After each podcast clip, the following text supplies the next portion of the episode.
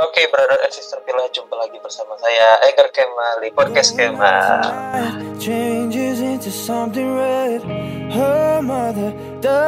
kali ini kita sudah kedatangan pemateri yang sudah pernah datang juga ke podcast Kemal. Namun sebelum itu kita buka sesinya dulu. Assalamualaikum warahmatullahi wabarakatuh. Waalaikumsalam warahmatullahi wabarakatuh. Alhamdulillah, syukurillah, salatu wassalamu ala rasulillah wa ala alihi wa sahbihi wa mawala Asyadu an la ilaha illallah wahdahu la syarikalah wa asyadu anna muhammadan abduhu rasuluhu la nabiyya wa rasulullah ba'dah Eh, Baik, uh, Brother Alhamdulillah, apa kabar semuanya? Semoga kita senantiasa dalam kesehatan dan juga naungan dan lindungan Allah Subhanahu wa taala eh, agar apa ya ya senantiasa kita terjaga ya untuk itu harapan dari setiap insan. Nah kali ini kita sudah kedatangan Ustadz Muhammad Rizki. Assalamualaikum Ustadz. Waalaikumsalam warahmatullahi wabarakatuh. Kifahal Ustadz? Alhamdulillah sehat alhamdulillah. Antum gimana? Alhamdulillah Ustadz. Baik, eh, pagi ini kita akan mengaji tentang ini ya Us antara eh, sabar antara kita sabar dan salat ya. Nah ini eh, topiknya cukup menarik ini. Kenapa untuk membahas itu dan apa sih mungkin eh, urgensi dari pembahasan ini nih? Mungkin bisa dijelaskan. Monggo waktu dan tempat dipersilahkan. Baik, eh, sebelumnya terima kasih untuk Kemal waktunya. Bismillahirrahmanirrahim. Assalamualaikum warahmatullahi wabarakatuh. Waalaikumsalam warahmatullahi wabarakatuh. Sebelum saya menjelaskan kenapa ingin membahas tema ini, ya teman-teman semua yang setia mendengarkan podcast Kemal, Masya Allah, ya, jangan lupa di subscribe channelnya, ya, teman-teman di like, juga di share gitu. Siap siap. Makasih loh. Ustadz. Baik, em, pertama-tama eh, kita bersyukur kepada Allah Subhanahu Wa Taala karena masih diberikan nikmat yang berbagai macam banyaknya, gitu ya, yang menemani segala aktivitas kita. Eh, dan sampai malam dan seterusnya. Dan tentu ketika kita menghitung nikmat Allah, bagaimana sebagaimana firman Allah wa in ta'udu nikmatallahi la tuhsuha. Ketika kita menghitung nikmat Allah maka tidak akan cukup, tidak akan mampu menghitungnya. Kemudian salawat serta salam semoga senantiasa tercurahkan pada Rasulullah SAW. Senantiasa semoga kita semua yang mendengarkan ini di mana pun teman-teman berada mendapatkan syafaatnya di yaumil akhir kelak. Amin ya rabbal alamin. Baik sebelumnya eh, perkenalan dulu ya. Saya ingin perkenalan dulu. Mungkin ada beberapa teman-teman. Walaupun saya yakin yang mendengarkan ini 99% masih kenal saya. Iya. Kenalkan nama saya Rizky. Eh, Alhamdulillah sudah sudah diberikan apa kelancaran oleh Allah Subhanahu wa taala eh, selesai di PUTM dalam artian selesai kuliahnya gitu ya dan sedikit Iya. pengabdian pengabdian tahun pertama di Jawa Timur Alhamdulillah banyak sekali pengalaman-pengalaman yang luar biasa. Nah, mungkin ingin saya sharing juga ini sebenarnya sesi ketiga ya setelah uh, kemarin sama Ustadz Dandi sebelumnya lagi sama Ustazah Fauziah Ya, betul betul. Uh, for your info teman-teman ya. Sebetulnya kami bertiga itu adalah tim. Iya, betul betul. atau teman-teman perhatikan atau tanya ke uh, ustadz-ustadz yang sebelumnya kami itu sebenarnya tim tim di uh, skripsi pas UMY singkatnya seperti itu. Ya, saya lahir di Jakarta kemudian uh, besar di Depok Jawa Barat kurang lebih seperti itu perkenalannya. Dan sekarang ya kurang lebih jadi kakak kelasnya Ustadz Kemal dan kita berdoa semoga Ustadz Kemal ini diberikan kemudahan, kelancaran, skripsinya cepat selesai, ya dan semoga apa yang diharapkan, apa yang diinginkan, apa yang cita-citakan Amin. sampai Allah. secepat-cepatnya. Ya, Amin, ya Rabbal saya Alamin. itu mengarah ke hal-hal yang yang. Ya, amin, amin, amin, amin. Insya Allah. teman-teman cek Instagramnya podcast Kemal dan Ustadz Kemal sendiri ya itu masya Allah insya Allah banyak manfaatnya ya Wow, amin, amin. Tip, tip. Oke, Us. Gimana nih, Us? Gimana nih?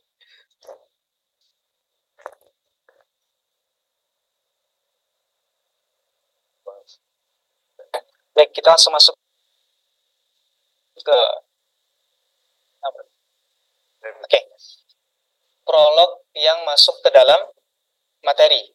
Ya, Ya, kalau oke. tadi kan perkenalan secara materi. Taib, taib. Eh, Jadi tema ini antara kita sabar dan sholat. Ya, teman. Tema ini berangkat dari sebetulnya niatan saya yang ingin sharing. Sharing kalau ada masalah atau sesuatu itu, Allah sudah memberikan solusi yang terbaik, solusi yang terbaik. Gitu. Hmm. Solusi yang terbaik itu sudah ada di judulnya, insya Allah sudah paham lah. Walaupun ini sudah mungkin sering dibahas, tapi saya ingin eh, setidaknya memberikan pengalaman karena ini betul-betul saya rasakan sendiri gitu ya sendiri Masya Allah. Eh, ketika pengabdian dan ya banyak sekali tantangan-tantangan yang luar biasa nanti mungkin Hmm. Sat Kemal akan merasakan dan teman-teman pengabdian yang lainnya yang baru akan diberikan apa namanya tanggal berapa kalian Juni ya Apa tuh? akan diberikan Eh, ya, mungkin sama kayak antum, Us. Kurang lebih ya. mungkin sama atau enggak tahu gimana atau beberapa yang ada sedikit ya bukan sedikit ya. Ada tantangan yang mungkin berbeda dengan teman-teman yang lainnya. Ini Hmm. bisa jadi acuan gitu jadi pedoman. Kalau ada masalah itu kita harus melakukan apa. Dan juga bisa eh, masuk ke ranah teman-teman yang di luar dari bagian dakwah maksud saya penceramah atau ustadz. Ini juga bisa dipakai untuk ketika dapat pekerjaan kemudian dosennya atau dosen eh, apa bosnya itu bikin kita kesel capek dan sebagainya. Dan sebetulnya eh, sifat manusia itu berkeluh kesah memang ya. Quran surah Al-Ma'arij ayat 19 itu ya.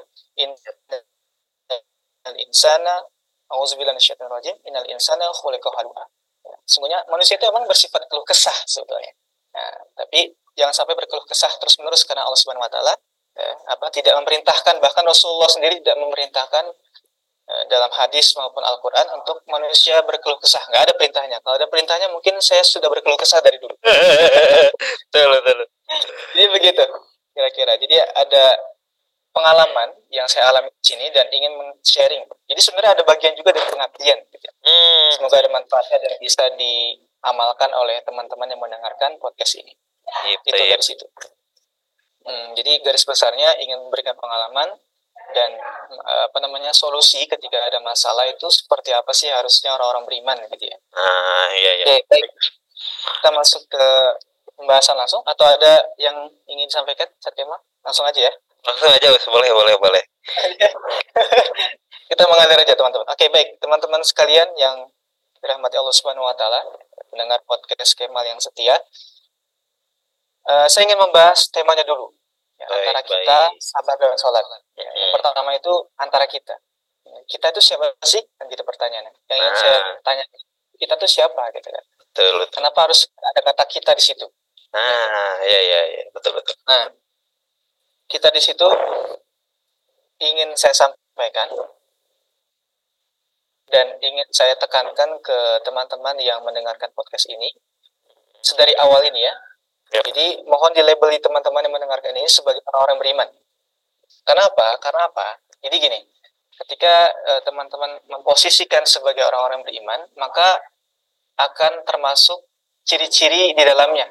Maksudnya gini, Al-Quran, Allah Subhanahu wa Ta'ala telah banyak menjelaskan ciri-ciri orang-orang beriman dalam Al-Quran. Salah satu di antaranya, bahkan ada surat tersendiri, ya, Quran surah Hmm. Al-Mu'minun itu ya. Betul, betul, betul. Terus sebenarnya ada ciri-ciri orang beriman di situ.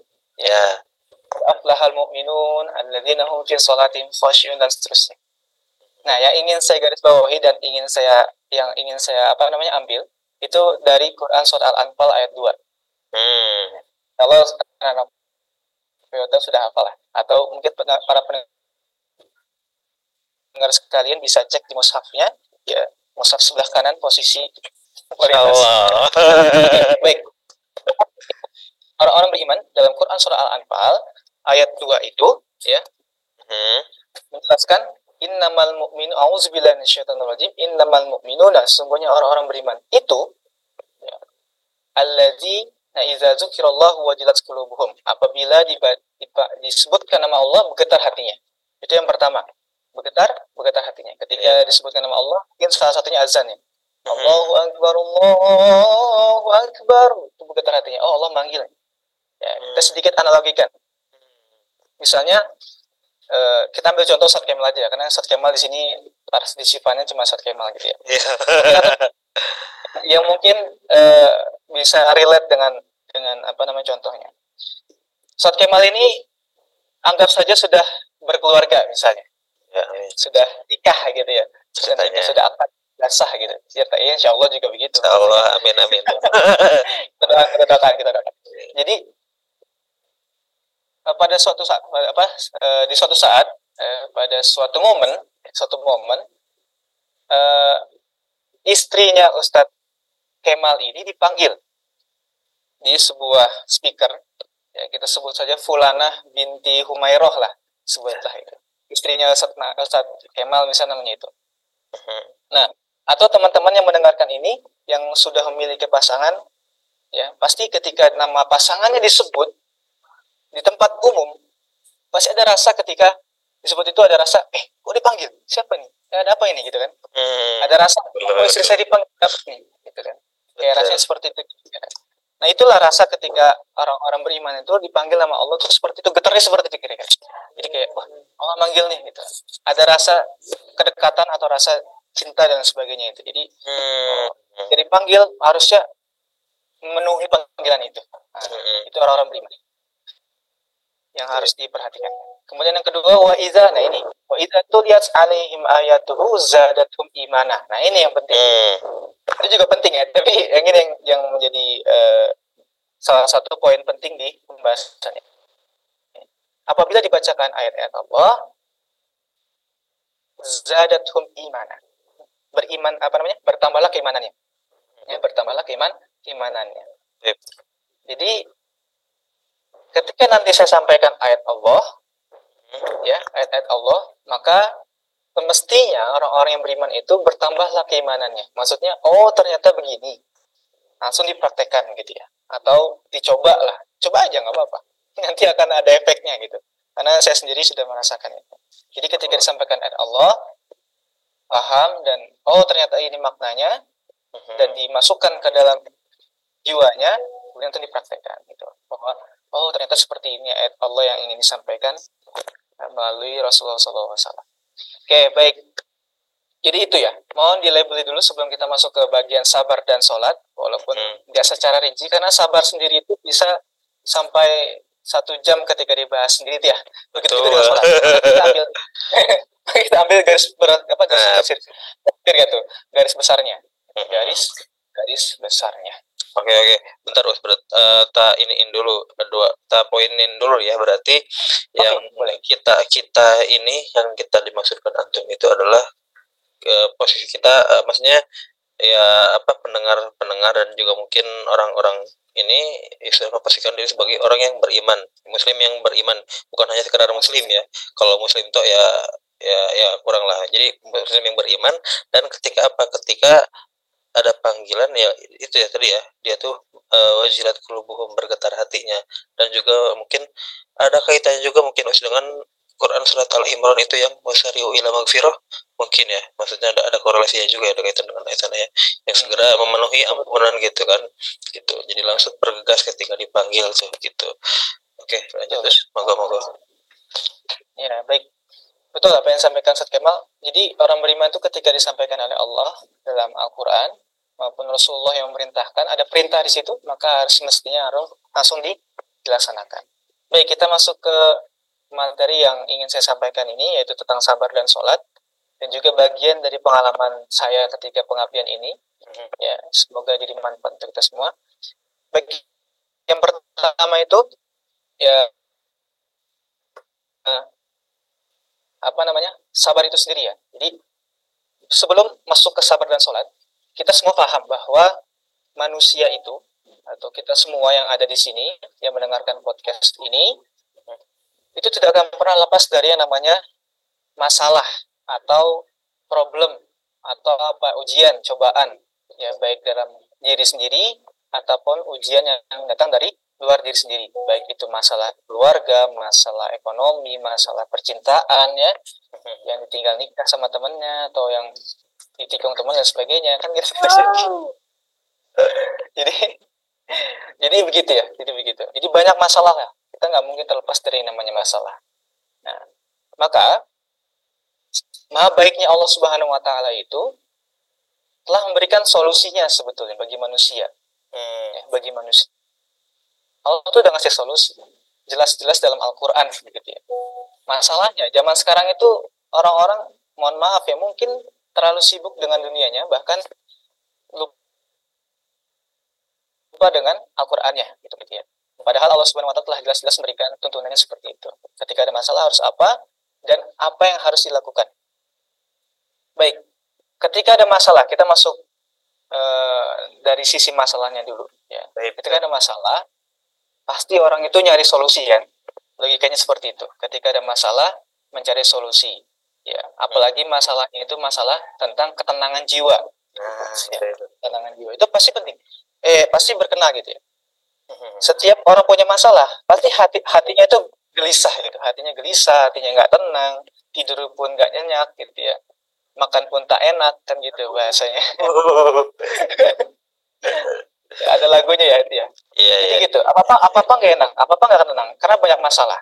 Sekaya kayaknya Elon Musk itu pasti punya masalah. Betul, betul, betul, betul. Kayak kayaknya Bill Gates, Bill Gates itu kaya banget teman-teman. Hmm. Teman-teman pasti tahu ya yang yang yang apa namanya yang umum pasti tahu. Iya, Beb. Kalau Bill Gates itu punya duit se ah tanpa terhitung, tapi pasti punya masalah. Dia itu punya masalah. Apa pun itu. Betul, Jadi betul, setiap betul. manusia- Nah, Al-Qur'an itu ya balik lagi. Ketika, kita sebut kita disebut sebagai orang-orang beriman, maka panduan itu Al-Qur'an dan Sunnah. Nah, itu juga jadi poin Hmm. penting. Al-Quran dan Sunnah. Nah, ketika ada masalah, baliknya ke sana gitu maksud saya. Ya, baliknya ke sana. Nah, Al-Quran ini telah menjelaskan dalam Quran surat Al-Baqarah, surat 2, di ayat 45 dan ayat 153-nya. Ya, tapi yang ingin saya bahas dulu di ayat 153-nya, walaupun sebetulnya ya penjelasan rincinya itu di 45-nya. 45-nya. Nah, Baik. sebenarnya di situ penjelasan rinci di situ, tapi saya ingin masukkan dulu ke 153-nya. Silakan dibuka mushafnya uh, ayat 153 posisi paling bawah sebelah kanan. Masya Allah. Naik ke Ustaz Oke, Hidayat. Ustaz Hidayat. Amin, amin. Jadi gitu. Um, A'udzubillahi minasyaitonirrajim. Ya ayyuhalladzina amanu. Nah, ini yang penting ya. Ya ayyuhalladzina amanu. Siapa yang dipanggil oleh Allah Subhanahu wa taala? Orang-orang yang ber Iman. beriman. Maka, kenapa saya tekankan labeling, bahasanya labeling apa tuh? Frame kita sebagai orang-orang beriman di awal-awal, Hmm. agar kita tuh juga ketika mendengar, mendengar- mendengarkan podcast ini, itu terasa bahwa, oh kita yang dipanggil, begitu maksud saya. Hmm. Kira-kira teman-teman itu berpuasa lah kira-kira ketika dijelaskan tentang puasa kan ya ayyuhalladzina amanu kutiba alaikumus siyam. Hmm. maka yang merasa dirinya memiliki iman itu harusnya puasa. Kan begitu kira-kira. Betul, betul, betul. pasti orang-orang yang memiliki iman dalam hatinya akan berpuasa. Ya, gitu. Begitu juga dengan ini sebetulnya. Kurang lebih seperti itu. Ketika dia ada iman dalam hatinya Allah sampaikan ini ista'inu kata Allah. Hmm. Ber apa memohon pertolonganlah kalian orang-orang beriman kita dipanggil tuh ah, ketika ada masalah minta pertolongan ke siapa ke Allah Hmm. kadang kita itu ya Mas Ustadz Kemal dan pendengar kalian sekalian dirahmati Allah Subhanahu wa taala. Kadang kita itu ya, termasuk saya ternyata menjadi bagian dari pelajaran itu. Terkadang kita tuh lupa sebagai hamba gitu. Nah, itulah. Mungkin merasa bisa menghandle semuanya dengan Hmm. sendiri gitu. Karena kemampuan yang luar biasa bisa ini, bisa itu, bisa ini, bisa itu. Lupa kalau kita ini seorang hamba. Itu. Akhirnya dikasih banyak masalah itu ya, banyak masalah dikasih. Akhirnya terbebani gitu. Banyak Hmm. masalah dan sebagainya. Padahal kita tuh hamba dan harus memohon kepada sang penci penciptanya. Kita coba analogi lagi. Ustadz Kemal, kalau HP-nya rusak, ke mana arahnya? Ke ahli Ahli HP, betul. tukang laptop, kalau laptop baru- apa teman-teman laptopnya rusak. Kalau teman-teman yang di sekamarnya itu bah di daerahnya itu nggak bisa pasti ke ahlinya, ahli laptopnya. Untuk apa? Karena dia yakin si ahli laptop itu, si ahli handphone itu pasti bisa benerin. Dia punya solusinya dan pasti akan bisa menyelesaikan masalah itu. Hmm. Nah, kurang lebih kita juga seperti itu. Ketika banyak masalah di dunia manusia ini, ini saya dapat juga uh, dari ceramahnya Ustaz Hidayat bahwa teman-teman semua yang kita semua yang ada di sini pasti Hmm. akan merasakan masa-masa sulit. Ya. Ini masih koneksi ya?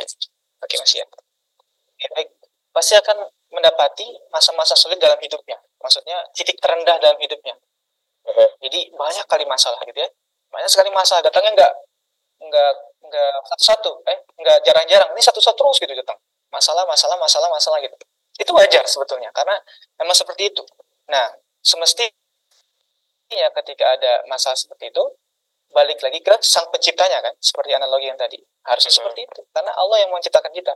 Ya. Jadi, bahkan Allah itu lebih besar dari masalah kita. Ya, harusnya balik ke Allah Subhanahu wa taala. Ya, itu poin yang salah satu di antara poin yang penting juga. Hmm. Selanjutnya, wasta'inu bis sabri was salat. Nah, ini yang jadi apa namanya? eh, pembahasan kita, sabar dan sholat. Wasta'inu bis sabri was salat. Dengan sabar dan dan sholat. Ya, Seperti yang saya sampaikan tadi, ini apa namanya? Tidak secara rinci, bahkan umumnya saja tentang, tentang sabar ya. Sabar itu yang pertama kalau dalam dalam tafsir Ibnu Katsir itu seperti namanya seperti berpuasa disebutkannya. Berarti kan menahan menahan eh, dari segala hal-hal yang dilarang Allah Subhanahu Wa Taala. Salah satu di antara pengertiannya itu. Atau eh, bisa dikatakan sabar itu menerima menerima ketetapan yang Allah tetapkan dalam kehidupan kita. Ya. sabar dan sholat. Sabar tadi apa? Menerima apa yang ditetapkan oleh Allah Subhanahu Wa Taala baik yang enak maupun yang gak enak. Ya. Jadi kita harus menerima teman-teman yang akan nanti pengabdian, yang akan dan yang sekarang pengabdian, yang sedang mendengarkan ini, atau yang mungkin posisinya sedang bekerja di luar dari yang saya maksud tadi, itu kan yang saya maksud itu anak-anak POTM teman-teman yang mendengarkan podcast ini. Eh, selain dari itu, juga ya harus menerima apa yang menjadi ketentuan Allah Subhanahu wa taala dengan sabar. Nah, jadi cara pertama itu menerima dulu Nah, diterima dulu semuanya itu. Terima. Oh ya sudah. Aku ber aku ridho dengan Allah dengan apa yang Allah tetapkan terhadap diriku apa pun itu entah itu masalah entah itu ujian cobaan gitu ya, ya ataupun nikmat gitu ya. Jadi terima dulu. Sakitnya itu terima gitu ya. Diterima aja dulu sakitnya gitu bahasanya. Diterima dulu aja sakitnya gitu ya. Nah setelah diterima baru bisolah wasta'inu bisabri wa wassalah baru sholat. Baru sholat. Nah baru melaksanakan sholat. Karena kalau belum diterima ya itu nanti ya masih mengganjal gitu ya mengganjal dalam hatinya. Jadi kalau ada masalah itu harus di, diterima dulu. Semuanya diterima. Istilahnya itu udah pasrah gitu ya. Hmm. kan ayat selanjutnya itu kan eh, what, apa namanya? Wa iza tuliyat alaihim ayatuhu zadatum imana wa ala rabbihim yatawakkalun. Nah. Dia harus bertawakal. Baik, teman-teman sekalian, ya, pendengar podcast Keman dirahmati Allah Subhanahu Wa Taala. Ya kita masuk ke selanjutnya. Walaupun sabar itu ya, sabar itu ada bagiannya banyak ya teman-teman. Di antaranya itu sabar da- dalam tadi yang saya sebutkan menahan hawa nafsu, menahan hal-hal dari menahan dan juga di antaranya sabar dalam melaksanakan ketaatan. Nah ini kan saya bilang, dia harus ada sabar dulu dalam ketaatan. Maksud saya, kan namanya orang masalah itu maunya cepat selesai. Tapi kok Hmm. malah disuruh ibadah? Hmm. Mungkin logika, ada yang berlogika seperti itu bisa Iya, jadi. iya. Loh, kok malah disuruh ibadah gitu. Ya sabar dalam ketaatan. Tapi harus dipaham. Nah ini yang harus dipahami. Kadang kita itu sholat gitu sekedar formalitas. Nah ini jadi pertanyaan, apakah sholat itu memang seperti itu? Ya, nyatanya tidak teman-teman. Nyatanya tidak. Sebetulnya sholat itu justru menjadi obat dari masalah teman-teman. Hmm. Itu justru obatnya itu sholat. Nah akan nanti saya akan terangkan dan akan saya berikan eh, analogi-analogi perumpamaan-perumpamaan yang insya Allah bisa secara logika itu masuk lah. Hmm. Bahwa sholat itu memang Allah Allah sendiri juga uh, menjelaskan bahwa soal itu adalah solusi ketika mendapatkan ketenangan. Gitu. Baik. Baik. Uh, mungkin uh, teman-teman sekalian rahmati Allah agak di, agak disebut. Baik, Baik uh, kita... ya. Nah, Ustaz tadi kan sempat ngejelasin kalau uh, sekarang tuh uh, apa bakal ngebahas tentang kenapa sih atau mungkin uh, tadi yang tadi ya salat pentingnya tadi ya berserah diri kepada Allah gitu dengan sabar dan sholat. Nah itu kenapa sih dan mungkin apa serba-serbinya mau dijelaskan? Baik, uh, teman-teman pendengar podcast yang dirahmati Allah Subhanahu Wa Taala, podcast Kemal tentunya kita lanjut lanjut lagi ya terkait sabar dan sholat itu. Ya, uh, seperti yang saya sampaikan tadi, manusia itu tidak terlepas dari yang namanya masalah ya. Bahkan Rasulullah SAW itu sendiri, uh-huh. Rasulullah SAW itu sendiri, ketika berdakwah itu atau berkehidupan sehari-hari bahkan banyak sekali masalah-masalahnya. Dan dalam salah satu riwayat hadis, hadis riwayat Abu Dawud, itu disebutkan ketika Rasul itu mendapatkan masalah yang serius, ya Rasul itu sholat. Hadis ini Hasan ya, Hasan bahkan ya sohikan oleh Albani.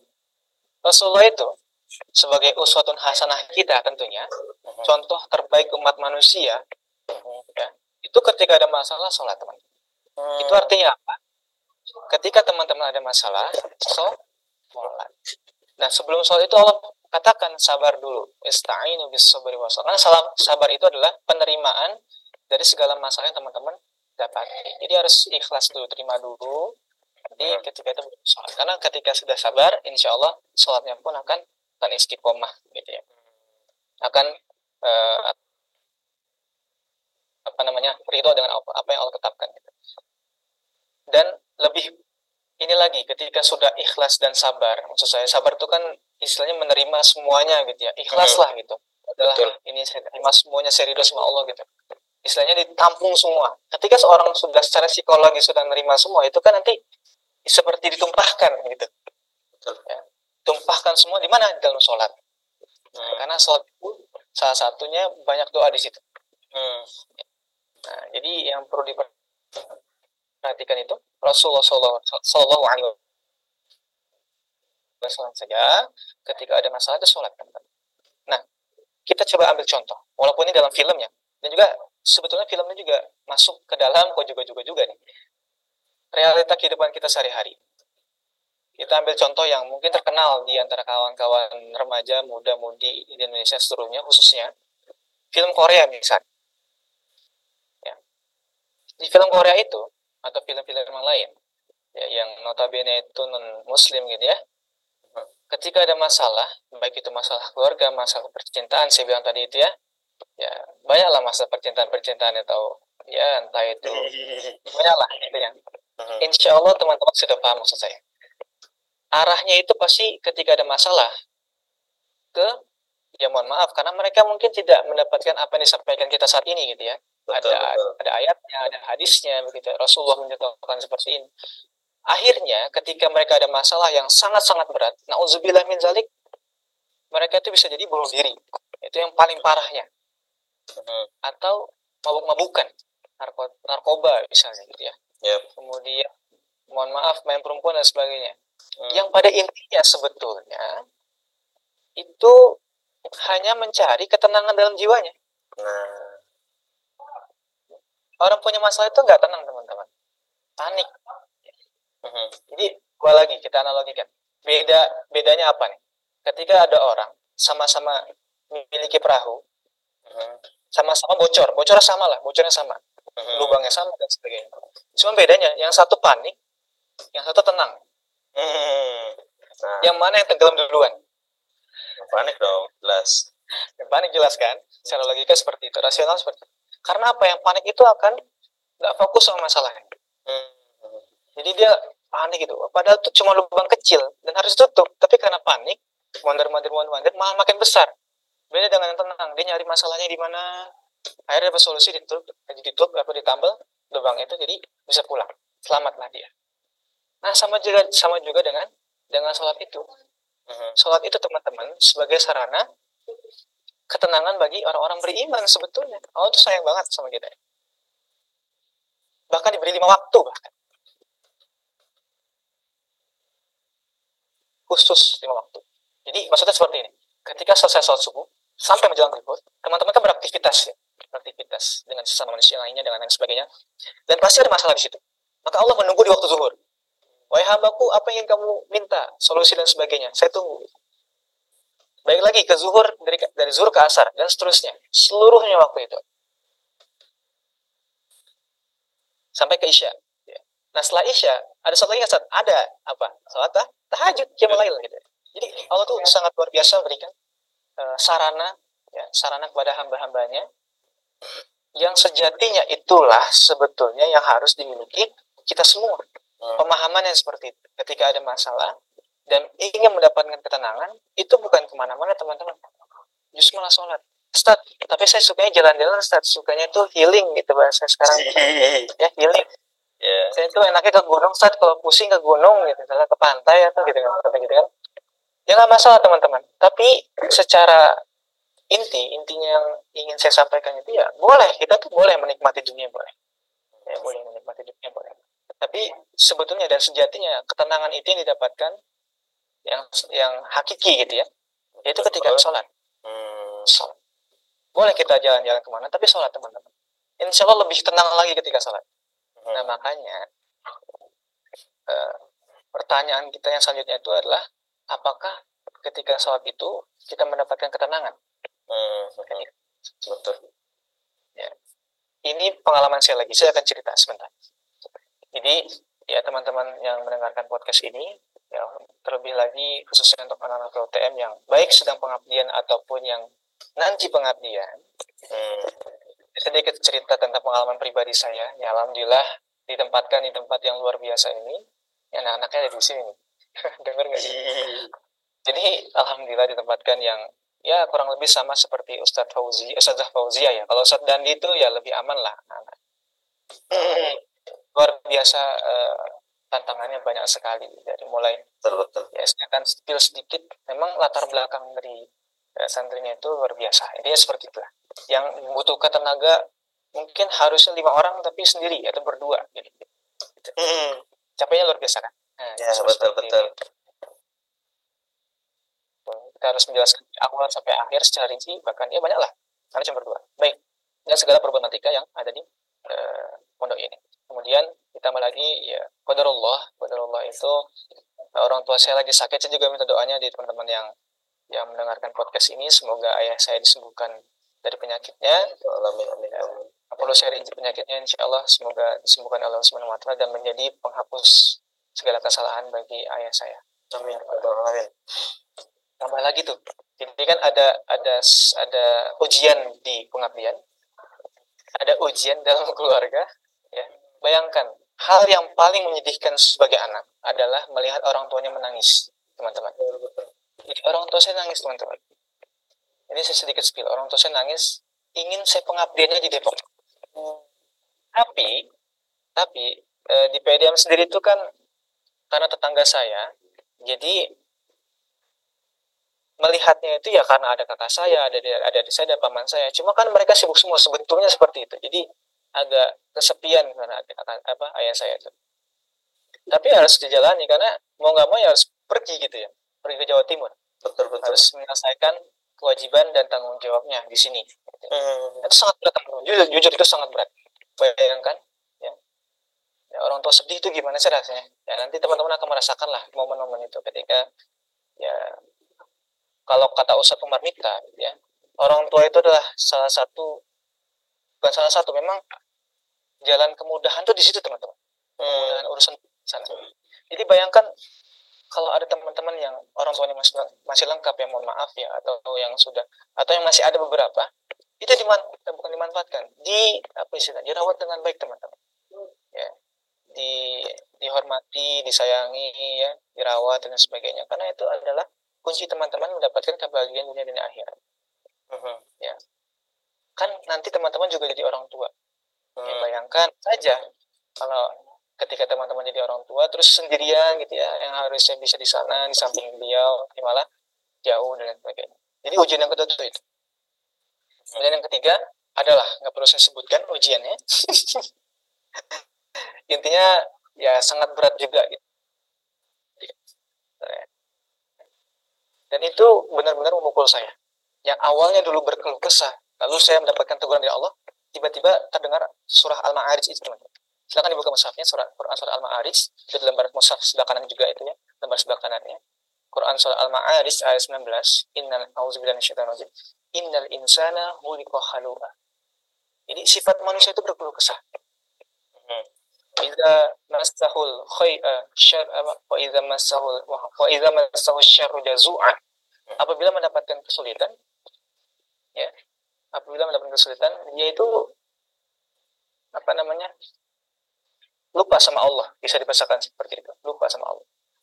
Wa iza khairul wa iza manu'a. Ya. Apabila diberikan kebaikan atau kenikmatan dari Allah, dia itu malah kikir. Ya, malah lupa sama Allah. Jadi dua-duanya lupa tuh. Dikasih ini malah berkeluh kesah, dikasih ujian berkeluh kesah, dikasih nikmat lupa sama Allah. Selanjutnya, ini juga berkaitan dengan tema kita. Illal musallin. Nah, ini penting. Illal musallin. Saya langsung tegur itu, ditampar saya. Pak.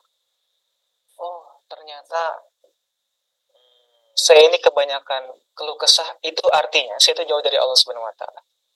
Ya, jika saya dikasih nikmat mungkin saya lupa, dikasih cobaan kok malah berkeluh kesah padahal itu adalah tanda cinta Allah Subhanahu wa taala.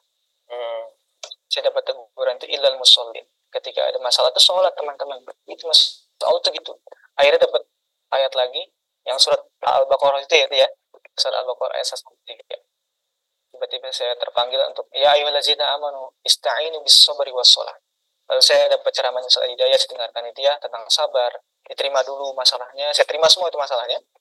Kemudian saya, saya ambil wudhu, saya laksanakan sholat. Saya laksanakan sholat, dan waktu itu sholat tahajud teman-teman ya. Sholat tahajud saya ambil sholat tahajud, kemudian sholat gitu ya. Karena alhamdulillah di sini posisinya sudah pernah belajar bahasa Arab, sudah belajar tafsir dan sebagainya. Dan ini juga tips untuk teman-teman, baik yang mungkin masih belajar Al-Quran, yang mungkin hafalan sedikit, itu nggak masalah teman-teman, nggak masalah. Saya akan kasih dua surat yang luar biasa di surat ini, yaitu surat Ad-Duha dan surat Al-Insyirah. Hmm. Ya. Silakan dibaca surat ini ketika dapat masalah, sama ujian. Dan dibaca coba artinya. Ya. Ini sedikit saja, karena nggak perlu saya jelaskan secara rinci, kan. terlalu panjang teman-teman.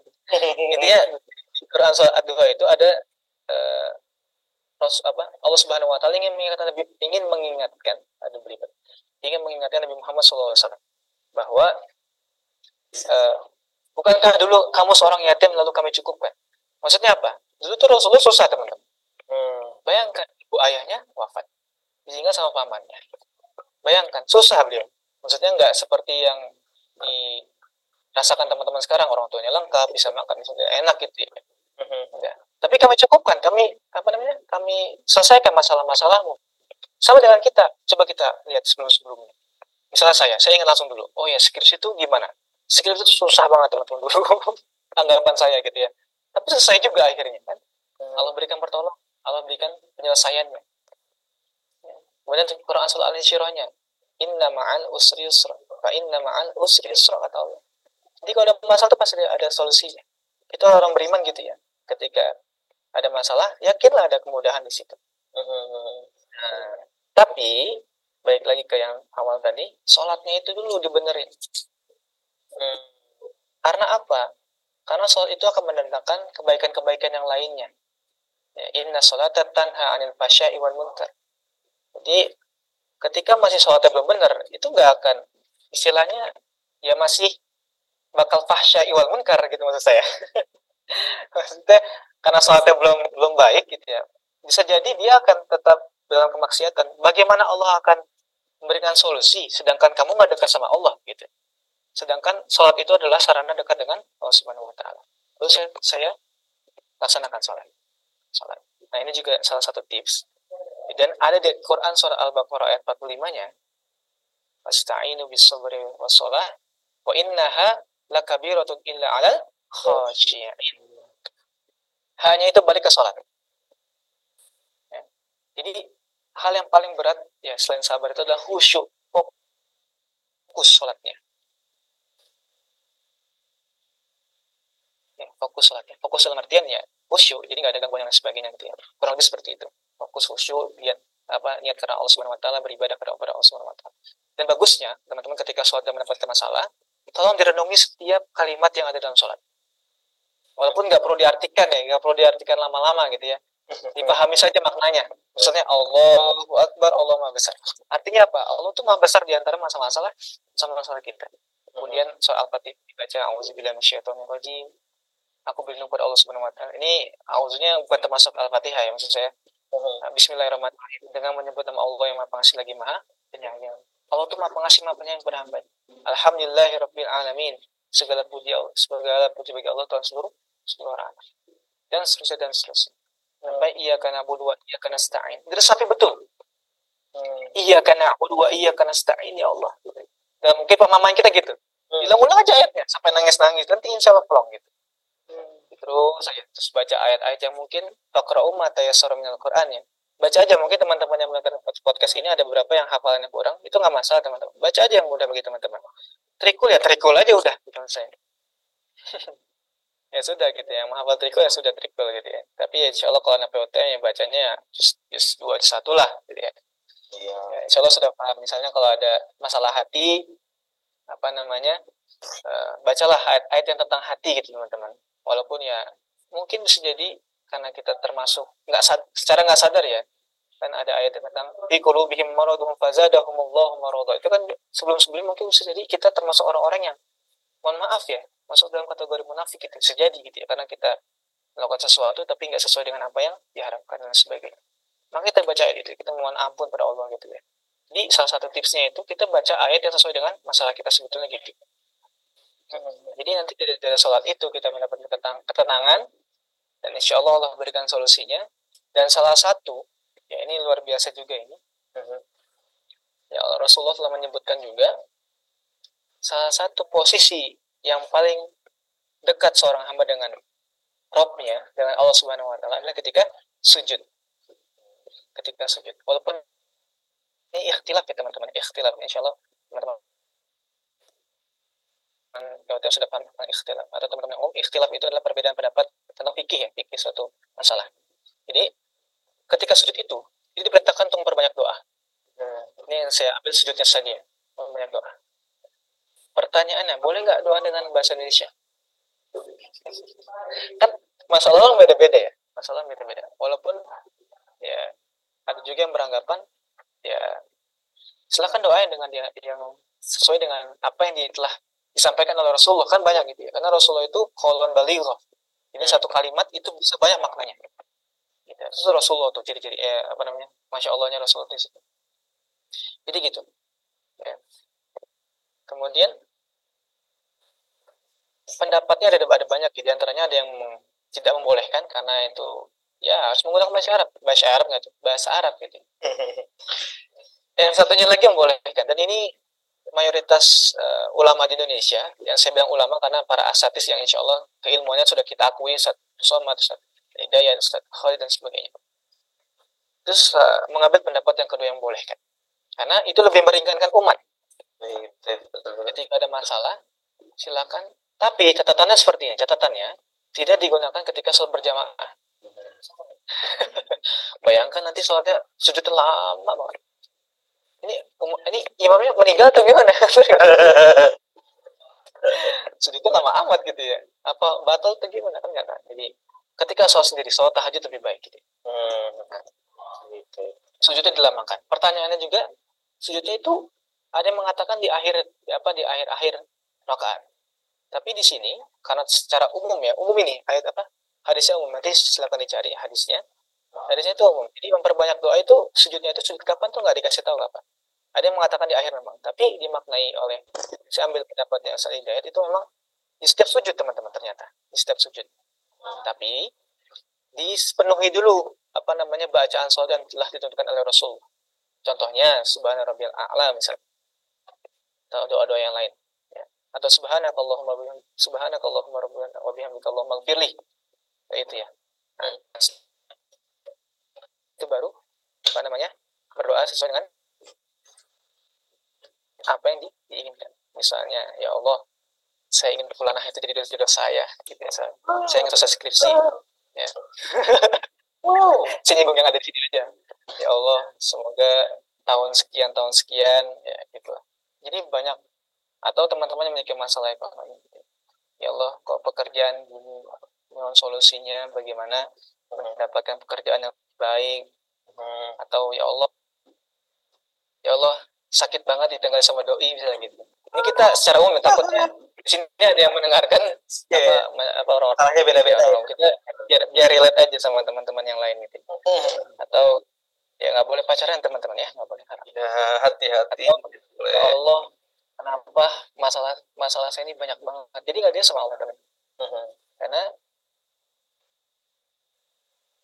balik lagi ke- ketika ada masalah kita ke mana? Ke ahlinya. Pas alu ala zikri in kuntum nggak ta'lam kan gitu kalau kita nggak tahu itu ya kita harus tanya ke ahlinya. Masa teman-teman pahamnya di dunia aja? Masa masalah dunia saja ketika ada masalah laptop? Pasti cari ahlinya. Yakin saya. Masalah Facebook nih pasti nyari Mas Zuckerberg nggak mungkin nggak nyari beliau gitu ya. Nah ini masalah dunia yang sangat kompleks gitu ya. Pasti nyarinya ke Allah lah. Harusnya ke Allah. Karena Allah tuh beri solusi terbaik. Jadi harusnya ke sana jangan ke yang lain-lain. Jadi mengadulah ke Allah. Ketika su sujud. Insya Allah coba. Karena saya udah ngerasakan jadi ketika sujud saya lamakan saya curhat di situ. Saya sujud lama gitu ya. Sambil ya intinya meluapkan semua masalah di situ. Semua yang ada di situ dis- disampaikan sujud kemudian ruku dan seterusnya dan seterusnya. Insya Allah dapat ketenangan di situ. Tapi catatannya gitu ya jangan ketika ber berjamaah. Nanti bingung jamaah lama banget ini ketika sendiri ketika sendiri coba nanti teman-teman yang mendengar- mendengarkan podcast ini bisa dicoba. Ah benar nggak sih kata Sati Rizky gitu kan? Jangan jangan hoax. Itu Allah nauzubillah min zalik. Ini ayat Al-Qur'an yang bilang kan saya ya. Ah. jadi gitu. Karena sholat itu kan mengingat Allah teman-temannya mengingat Allah. Ya Allah juga men- menjelaskan bahwa dalam Quran surat Ar-Rod ayat 28 Utlu ma uhiya ilaika min kitabi min minal kitabi wa aqimus sholah. Eh ini ayat Al-Kamput, sorry sorry saya bahas salah baca jadinya. Aduh. Alladzina amanu. Ya. Itu orang-orang yang beriman. Watot innal qulub qulubuhum bi zikrillah. Jadi orang beriman itu ya hati mereka akan menjadi tentram, menjadi tenang itu dengan mengingat Allah. Orang-orang beriman ceritanya itu. Jadi ketika mengingat Allah itu tenang hatinya. Ala bizikrillahi tatma'innal qulub. Jadi kita diperintahkan ketika mendap- ingin mendapatkan ketenangan itu ingat Allah teman-teman. Sholat, dan sholat. Ya, dan sholat itu merupakan ciri-ciri orang bertakwa tadi yang saya katakan. Ya, pasti rata-rata baik orang-orang beriman ataupun orang bertakwa itu kan nggak pernah dipisah, nggak bisa dipisahkan ya. ya. ya surat Az-Zumar nih tentunya juga juga menjadi apa namanya eh, sandaran bahwa ya bertawakal itu eh bertakwa bertawakal bertakwa itu insya Allah Allah berikan eh, pahala yang luar biasa. Bagi orang yang sabar itu ya. Ini Quran Az- Az-Zumar ya saya di- lupa nih Quran Az-Zumar ayat 10 nya ini. Bahwa orang yang sabar itu pahalanya tanpa batas teman-teman. Innama yufi as-sabiruna ajrahum bi ghairi hisab. Jadi orang sabar itu pahalanya tanpa batas. Nah jadi sholat teman-teman ketika dapat masalah itu sholat ya, yang ingin saya sampaikan intinya itu sebenarnya itu. Jadi ketika mendapatkan masalah mendapatkan ujian cobaan itu solusi terbaik yang Allah berikan itu sholat. Ya, walaupun kehusyuan itu yang disampaikan ayat 45 itu adalah sesuatu yang berat. Ya saya juga masih ketika sholat itu khusyuknya masih belajar teman-teman. Ya, karena khusyuk itu luar biasa ya. Ada kiat-kiatnya ada banyak kiat-kiatnya di antaranya itu kita mempersiapkan diri untuk sebelum suatu kita persi- mempersiapkan diri entah wudhunya wudhunya sempurna dan sebagainya. Kita kita apa namanya siap-siap bahwa akan menghadap Allah Subhanahu Wa Taala bukan meninggal ya maksudnya menghadap itu sholat gitu ya. Sholat bahwa dipersiapkan semua ditinggalkan semua urusan dunia itu untuk untuk melaksanakan sholat. Gitu. Betul. Baik, baik. dan ya baik lagi baik lagi sebelum sebelum nanti dikasih konklusi oleh Sat Kemal. Wah. begini. Begini teman-teman. Ini insya Allah bagus juga sholat itu ciri-ciri orang bertakwa Hmm. bisa di bisa di klip nanti ya Eh, sholat itu merupakan ciri-ciri orang bertakwa banyak ayat-ayat yang menjelaskan itu tentunya salah satu di antaranya surat, surat Al-Baqarah ayat 2 A'udzubillahi minasyaitonir rajim. Zalikal kitabul la raiba fihi lil muttaqin.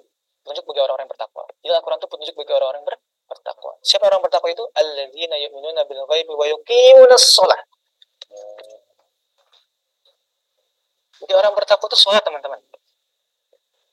Ya, orang bertakwa itu sholat. Jadi, baik lagi ke Quran surah Az-Zumar. Kul ya ibadil Kul ya ibadiyalladzi Kul ya ibadilladzi amanu ittaqu rabbakum. Hmm.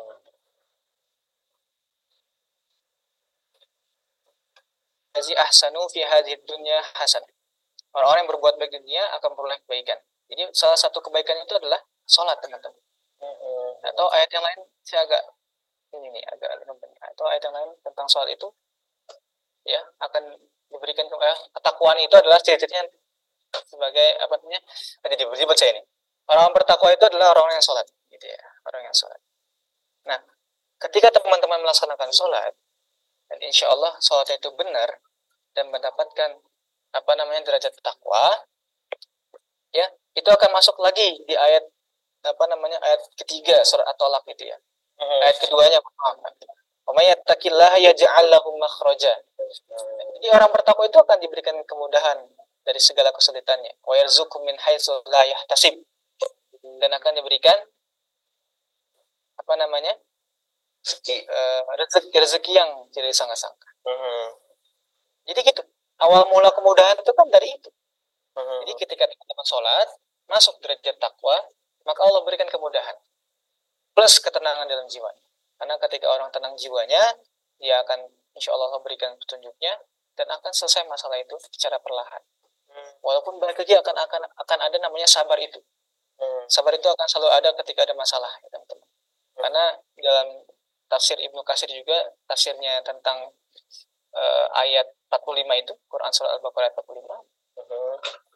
Nah, ada hadis yang menyebutkan amat indah ya perkara orang muslim muslim itu. Ketika dia mendapatkan musibah dia bersabar. Ketika mendapatkan nikmat dia bersyukur. Itu ciri orang beriman gitu. Orang muslim itu gitu. Hmm. Jadi ketika mendapatkan tanpa batas gimana coba pahala tanpa batas itu luar biasa kan Luar biasa. biasa Insya Allah. Nah, balik lagi saya akan coba kasih apa namanya eh resumnya secara apa garis besarnya Hmm. yang ini saya sampaikan kepada teman-teman semuanya ketika dapat masalah laksanakanlah sholat dan sabar teman-teman Hmm. karena itulah tuntunan yang Rasulullah SAW tuntunkan dan Allah Subhanahu Wa Taala sampaikan dalam Al-Quran. Jadi ketika ada masalah silahkan sholat. Coba gini, kalau nggak percaya silahkan praktekkan apa yang saya katakan. Gitu aja. Nanti silahkan dipraktekkan sholat, kemudian sabar, terima semuanya. Insya Allah mendapatkan ketenangan dari Allah Subhanahu wa Ta'ala dan solusi dari masalah teman-teman yang hadapi mungkin ya kita nggak tahu masalah orang beda-beda gitu. Hmm. Insya Allah. Eh, ya betul sekali Ustaz. Saya juga pernah ngalamin gitu ya, eh, sedikit-sedikit aja waktu kemarin sedikit ada masalah gitu. ya. Wah itu tuh eh, pas lagi ya lagi ada masalah gitu kan, salah tuh tiba-tiba wah Allah jadi beda gitu ketika ada masalah tuh, Hmm. wah salah tuh Iya. benar khusyuk, benar berserah diri gitu dan memang ada aja keajaiban-keajaiban luar biasa setelah kita khusyuk bener-bener sholat ya, maksudnya ketika khusyuk Hmm. dalam sholat ada, ada ada aja keajaiban yang luar biasa gitu. Sedikit sharing saja mungkin dulu kan pernah pernah ada masalah juga dulu pas jadi apa ya mungkin pas masih SMA mungkin saya terus dulu tuh sempat sempat di ya di lembaga saya dulu di, di pesantren sempat ya ada masalah yang nyampe berkelanjutan ke tingkat yang jauh lah ya. Ke tingkat maksudnya ada, ada masalah sama santri gitu sama di kelas. Nah, masalah itu sampai ya berjen- berlanjut ke pihak yang berwajib bahkan ya jauh lah jauhnya tuh sampai tinggi banget lah. itu sempat stres juga Hmm. anak umur 17 tahun dapat masalah kayak gitu kan wah luar biasa Masya Allah. Ah, terus terus Wah. luar biasa. Ah, akhirnya alhamdulillah di ya eh, ya alhamdulillah akhirnya eh, selesai dengan kesepakatan damai meskipun ya harus berkeluar keluar inilah ya keluar finance gitu. Nah, tapi sebelum itu kan ya ya tahajudnya luar biasa itu tuh. Wah lagi lagi itu lagi dalam fase itu. Nah itu.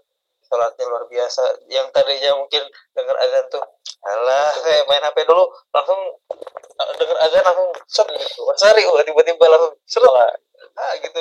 Pokoknya itu, itu banget benar-benar memohon dan alhamdulillah ya ada jalan keluarnya waktu itu wah ini luar biasa banget iya rata banget dan memang ya benar berarti memang terus ya berarti memang itulah ya seharusnya orang beriman tuh seperti yang tadi diceritakan Ustaz Kemal gitu ya. Jadi ketika kita semua dapat masalah, itu kita sholat teman-teman. Jangan ke yang lain-lain ya. Mohon maaf, mungkin ke yang tadi saya sebutkan itu. betul Bahkan nauzubillahnya ketika sudah di ujung tanduk, itu bunuh diri jangan teman-teman. Nauzubillah benar. Karena saya mendapatkan beberapa, ya di media sosialnya kan sekarang lagi luar biasa. Zaman kita sekarang, sekarang Masya Allah gitu. ya Banyak orang mudah sekali bunuh diri, mudah sekali bunuh orang dan sebagainya. Karena mungkin banyak masalah. betul betul Pelampiasan, pelampiasannya itu bukan ke mana-mana, tapi malah kayak merusak merusak yang lain. Ya, itu. Alhamdulillah. Ya, apalagi ya ya gitulah banyak juga anak-anak muda zaman sekarang kalau lagi ada masalah malah nyambat ke Twitter gitu kan. Nah, gak akan menyelesaikan masalah kalau kita Ya, betul. Kalau status gitu malah ini malah malah justru malah nambah masalah kan gitu belum ditambah nambah masalah. eh, belum ditambah mulut-mulut netizen yang luar biasa gitu kan. Alah, lu kayak gitu malah curhat gitu kan. Malah donasi bet. Jadi apa yang kita sampaikan itu disalahpahami oleh yang lain gitu ya. Ya, Ini banyak. betul. Dari daripada eh, apa daripada waktu kita terbuang sia-sia gitu ya curhat-curhat gitu Ah, kita curhatin ke Allah ya oh siap bener ya Allah aja. Ya, walaupun kita juga sebenarnya secara psiko- psikologi ya, psikologi itu sebenarnya butuh juga sebenarnya Mas Kemal. Menafikan ya sesama kita gitu, sesama kita ya, yang semakhluk gitu ya. ya Nah, tapi betul, intinya betul, saya kasih tips curhat. Curhat itu jangan semuanya teman-teman, jangan semua orang, jangan. betul Bahaya. Kita harus pilih-pilih teman yang sekiranya itu bisa bertanggung jawab, maksudnya menyimpan rahasia kita, dan dia itu bisa memberikan solusi. Walaupun solusi itu ya beda-beda ya. Kalau perempuan itu kan maunya didengar aja. Kalau laki-laki itu butuh solusi teman-teman. Jadi kita harus cari orang-orang yang kira-kira tepat nih. Jangan semua ya, beberapa aja, satu dua dua gitu. Curhat baru silakan. betul betul, betul. Tuh, jadi jangan. Kita juga butuh memang beberapa orang untuk nah ya gitu. karena manusia ya butuh butuh frekuensi yang sama. Kan kalau Allah kan kadang ter, ya, walaupun bagusnya kalau emang. Ya. semua masalah itu harusnya ke Allah. Karena Allah yang memiliki segala kerajaan itu ya. Itulah Allah berikan. Solusi tidak banyak contoh-contoh yang tidak menafikan ya maksudnya sebagai bentuk insaniah kita ya mungkin ya. Cuman ah, puncak dari eh, puncak dari segala puncak gitu ya eh, sebagai bentuk ta'abudiyah kita juga gitu ya kalau ada masalah ya curhatnya ke Allah gitu kan. Makanya saya juga kemarin sempat baca di syarahnya uh, muh, uh, muhtasar syarah Riyadus Salihin yang dikarang oleh Syekh Usaimin. Itu tuh ada penjelasan tentang sholat bahwasanya sholat itu ibadah yang paling lengkap gitu. Luar biasa banget. Kenapa? Karena di dalam sholat itu eh, semuanya tuh semua ibadah tuh ada di dalam sholat zikir juga iya. Terus juga apa eh maksudnya apa ibadah ibadah batiniah juga iya gitu kan. Dan memang ya semua aspek ada di dalam sholat gitu. Dan jasmani juga gerak gitu kan. Kalau kalau semager-magernya orang nggak olahraga gitu ya sholat pun gerak gitu. Berarti kan ada di situ tuh ada poin yang luar Ya. biasa di dalam sholat itu gitu ya. Nah maka teman-teman daripada apa ya maksudnya bagi yang masih mungkin termasuk mungkin saya juga ataupun beberapa dari kita yang mungkin masih malas sholat ayo kita segera sholat kita curhat ke Allah. Apalagi tadi yang dijelasin sama Ustaz Rizky gitu ya ketika sujud gitu ya Masya Allah. Kita curhatkan lah apalagi apalagi sholat sholat munfarid aja ya oh saya mungkin ya. Lagi sholat sunnah lagi sholat eh sholat sunnah tahajud ataupun doa kita Hmm. curhatkan di situ tuh kita luapkan bahwasanya ya apa-apa yang mungkin kita gumangkan kita lagi pikirkan kita belum nemu solusinya kita curhatkan ke Allah. Niscaya Allah akan memberikan solusi dengan catatan. Ya tadi juga khosyion orang yang eh, khusyuk gitu ya sholatnya khusyuk. Kalau sholatnya belum khusyuk ya mungkin solusinya juga ma- masih kurang gitu. Maksud- maksudnya mungkin Allah masih belum ngasih solusi secara pol-polan gitu. Oke mungkin ada lagi Rizky. Tiga menit terakhir. Mungkin quotes dari saya bisa Iya. dicatat teman-teman boleh boleh boleh tuh. Dapat quotes quotes luar biasa ini dari dari pengalaman di sini luar biasa memang ya. jika sholatmu benar ya teman-teman sekalian rahmati Allah Subhanahu wa taala yang mendengarkan podcast ini. Jika sholatmu benar maka insya Allah urusanmu dipermudah. Jagalah sholatmu perbaikilah sholatmu insya Allah akan mudahkan segala urusan. Masya Allah karena sholat itu adalah tanda atau bentuk ketakwaan. Dan ketakwaan itu mendatangkan kemudahan dari Allah taala. Jangan jadikan sholat itu sebagai bebanmu. Karena sejatinya sholat itu adalah pengangkat bebanmu. Allah Tiadalah hati yang banyak gelisah, resah dan keluh kesah, melainkan kemungkinan ia jauh dari Allah Subhanahu wa taala. Nah, orang melaksanakan sholatnya. Itu. Widi, Widi, Widi, Widi, masya Allah luar biasa sekali. Tuh catat, Insya Allah. Semoga Catat itu. bermanfaat apa yang saya sampaikan. men.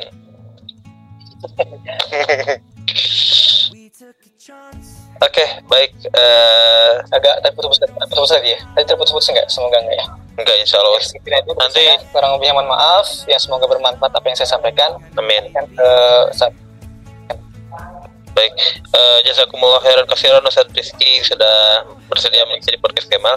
Nanti kalau misalnya kecepatan kan bisa di pause ya atau bisa diulang lagi. Silakan nanti diulang lagi aja. kalau kecepatan gitu dari kos-kosnya gitu ya. Kan biasanya tuh wah, Iya, anak-anak zaman sekarang estetik banget, pengen ditulis gitu kan. Wah, pengen nulis banget. Nanti silakan di ini aja ya. bisa jadiin status itu. Silakan jadikan Ya, dijadiin status gitu. Ustaz Muhammad status. Rizky gitu kan mandal Allah khairin falahu mislu ajri fa'il gitu kan. Waduh, Masya Allah. Podcast nyebar gitu kan. Jadikan bahasa Arab apa lagi? Iya, betul. Oke, eh tapi mungkin saya akhiri. Jazakumullah khairan. Sekali lagi Ustaz Rizky sudah bersedia meluangkan waktunya.